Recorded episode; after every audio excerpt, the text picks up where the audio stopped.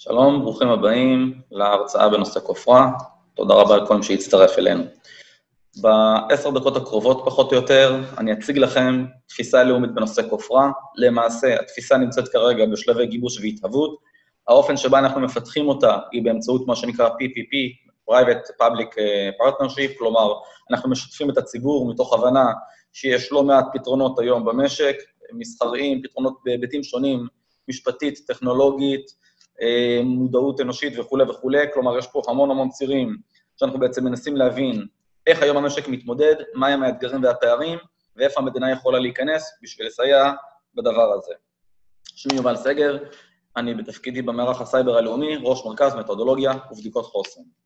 כמה מילים על כופרות, אתם מכירים את זה, אבל הגרפים, טוב מראה עיניים, כן, תמונה שווה אלף מילים, אז בכמה נקודות, מגמות עיקריות. אחד, כמובן שסכום הכסף המבוקש עולה בהתמדה, המודל העסקי הזה בעיני התוקפים מוכיח את עצמו, יותר מתקפות, סכומי הכסף גדלים כל הזמן, שנה אחרי שנה, עיר עובר עיר, כמות הווריאנטים גדלה כל הזמן, רואים את זה מתחיל להתפשט לאט-לאט לאזורים אחרים, כלומר, אנחנו מזהים בתקופה האחרונה, וגם כשמסתכלים על דוחות של יצרנים מובילים בעולם, מזהים בעצם תחילה של כניסה לעולם המובייל, מעט אירועים גם בנושא של IoT, דוגמה אחת מפורסמת יחסית שהייתה בתקשורת, נושא של בתי מלון, שבעצם מנעו מאנשים להיכנס לחדר שלהם בתמורה לדרישת כופר, שרשרת אספקה, 22 עיריות של רשויות מקומיות בארצות הברית שנתקפו, והתוכנה בעצם ששימשה את דלת הכניסה ככל הנראה, לפי הפרסום, הייתה זהה. למעשה זה אפיק לבקש כסף או כופר ממספר ארגונים רבים. זה החלק שמוכר יחסית, אני אנסה להתמקד רגע בפרויקט שלנו. כשאני מסתכל מה עושים היום הגופים, אז ברמת הארגון, במענה הנוכחי, ישנם היבטים של היערכות מניעתית. ארגון גדול שיכול, עובד עם אולי מייל ריליי, וגם שם איזשהו EDR בעמדות קצה, ומטפל במודעות עובדים, וסורק את הפורטים שלו מבחוץ, ועושה המון המון פעילויות בשביל למזער את היכולת שכופרה תחדור פנימה, ואחת שחדרה פנימה, יש לו יכולת של ניטור, תגובה, שחזור, התאוששות וכולי וכולי.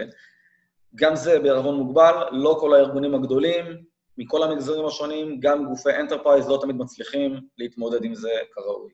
עסקים קטנים, זה סיפור אחר. עסקים קטנים כמובן, אין להם את היכולת להגן על עמדות הקצה, על הדפדפנים, על המיילים שנכנסים פנימה, באותו אופן שיש ל enterprise, זה מצריך רישוי, זה מצריך ידע, זה מצריך תהליכים, שעל פי רוב לא נמצאים ב-99% מהמשק. המשק הגדול הוא מורכב מעסקים קטנים וזעירים, וכמובן זה מעבר ליכולת שלהם מהרבה היבטים, ברוב המקרים. מה עושים כמדינה, מה עושים בעולם באזורים האלו? אז לצד שיח שאנחנו מקיימים עם מדינות אחרות, להבין איך הם, איך כמדינה ואיך ארגונים שם מתמודדים עם הדבר הזה, אנחנו פעם אחת פרסמנו בעצם איזשהו guideline שמומלץ בחום להיכנס, להוריד אותו ולקרוא, שבו אנחנו בעצם נוגעים בנקודות חשובות של כיצד להיערך ולהגיב לדבר כזה. יש את פרויקט No More Ransom, פרויקט בינלאומי, ישראל חלק ממנו, תורגם גם לעברית, והפרויקט הזה מנסה לסייע לגופים שכבר נתקפו, ועדיין. אנחנו מוצאים לא מעט פערים, וכשאני מדבר על פערים, הרבה פעמים זה נובע מניצול נמוך של יכולות הגנה קיימות. כלומר, ארגונים גדולים וקטנים שרכשו מערכת הפעלה מסוימת, המערכת הפעלה כוללת פיצ'רים מאוד טובים לזהות, למנוע את תהליך ההצפנה, לאתר תהליך השתנות של קבצים בזמן נתון, ועוד המון המון פיצ'רים טובים, וארגונים לא מפעילים אותם. כלי ההגנה שכבר יש בידי הארגון להגנה על המייל שלו, ומולטי פקטור אותנטיקיישן, ועוד המון דברים שעשויים למזער את הסיכוי שמישהו ינצל לממשקים פתוחים, שמייל יחדור פנימה, ירוץ וכולי, לא מנוצל. גם בצד המניעה, גם בצד הניטור. התאוששות ושחזור, המון המון המון ארגונים, ובוודאי ברוב המשק שאיננו גופים עם מאות עובדים ואלפי עובדים, היכולת הזו מאוד מוגבלת. הרבה מאוד פעמים אין להם גיבוי, כשיש הוא מאוד מאוד חלקי, ובהרבה מאוד מקרים שהוא כבר קיים, הוא לא תמיד אה, עובד בתצורה נכונה, הבדל בין offline ל online, גיבוי כפול או גיבוי חד פעמי, דברים, מקרים בהם האזור של הגיבוי נתקף גם כן, כי הוא בסך הכל היה מחובר אה, כמו עוד כונן רשת מבחינת הארגון או מבחינת התוקף, ועוד המון פערים שבהם בעצם למעשה ארגון בנה על הגיבוי, ובפועל ראינו שזה לא עובד. מה אפשר לעשות? לפני שאני אגיד רגע מה אפשר לעשות מהצד שלנו, אני אגיד מילה או שתיים על קבוצות עבודה. מערך הסייבר הלאומי מקיים בשנים האחרונות מספר קבוצות מקצועיות. הקבוצות הללו הן בנושאים שונים. מה תכליתן? פעם אחת להבין את מצב הקיים, מה הקשיים, מה האתגרים, בנושאים השונים, פיתוח מאובטח, שרשרת אספקה וכולי וכולי.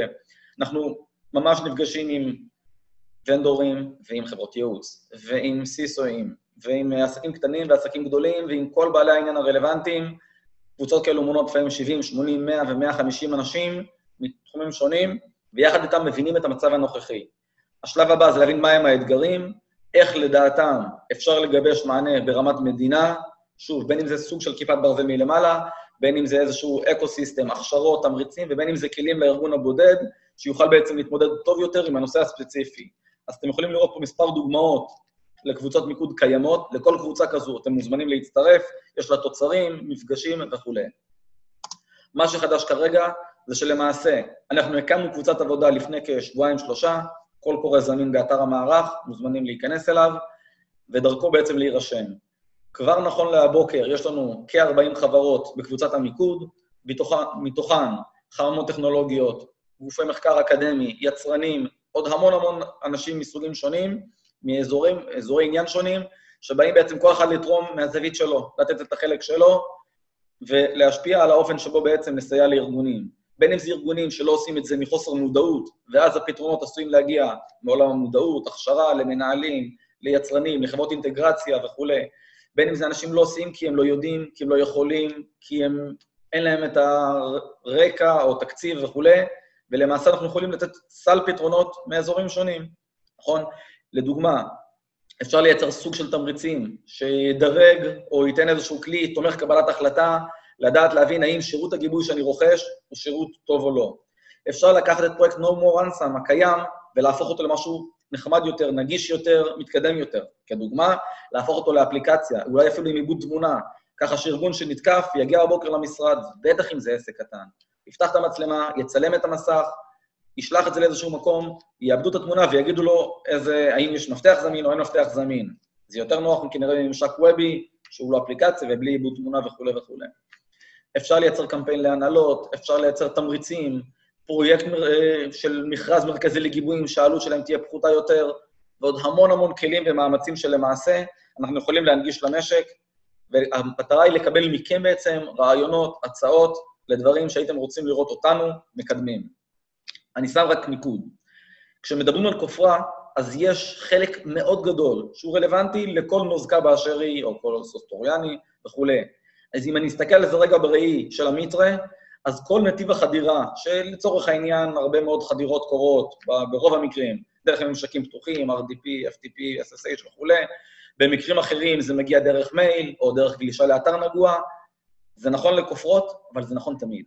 ולכן פתרונות ברמת ISP כדוגמה, לשים איזשהו משהו שימנע את המתקפה הזו, זה טוב, זה נכון, נשמח לשמוע את זה, אבל זה פחות המיקוד כרגע. הסיבה שאני אומר, כי זה למעשה חלק מסל מאמצים שאנחנו מנסים לקדם, שהתכלית שלהם זה להתמקד דווקא בכופרה.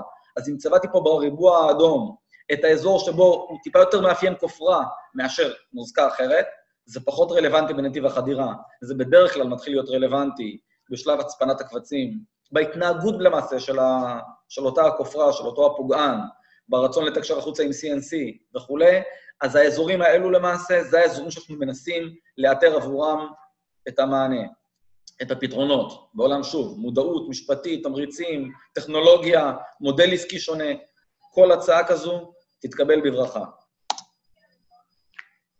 למעשה, הדרך שלכם להצטרף היא כאמור להיכנס לאתר מערך הסייבר הלאומי, מופיעים שם כל הפרטים של קבוצת העבודה. הקבוצה הזו נפגשת פחות או יותר במתכונת של אחת לחודש. לאור התקופה בה אנחנו נמצאים, המפגשים, על פי רוב, הם אה, וירטואליים באמצעות video conference, מקווים לחזור לשגרה על ימים טובים ורגועים יותר, כאשר המפגשים יהיו פיזיים, וגם את זה נקיים. לוחות הזמנים הם כחודשיים-שלושה ללמידת חקר שוק, גיבוש מענים עוד חודש-חודשיים, ויציאה לדרך. כלומר, אנחנו צופים במהלך 2021 להוציא אל הפועל את המיזמים שבעצם נגבש יחד איתכם במהלך החודשיים-שלושה הקרובים. אתם יותר מוזמנים להיכנס, להצטרף לקבוצה. תודה רבה ויום מצוין.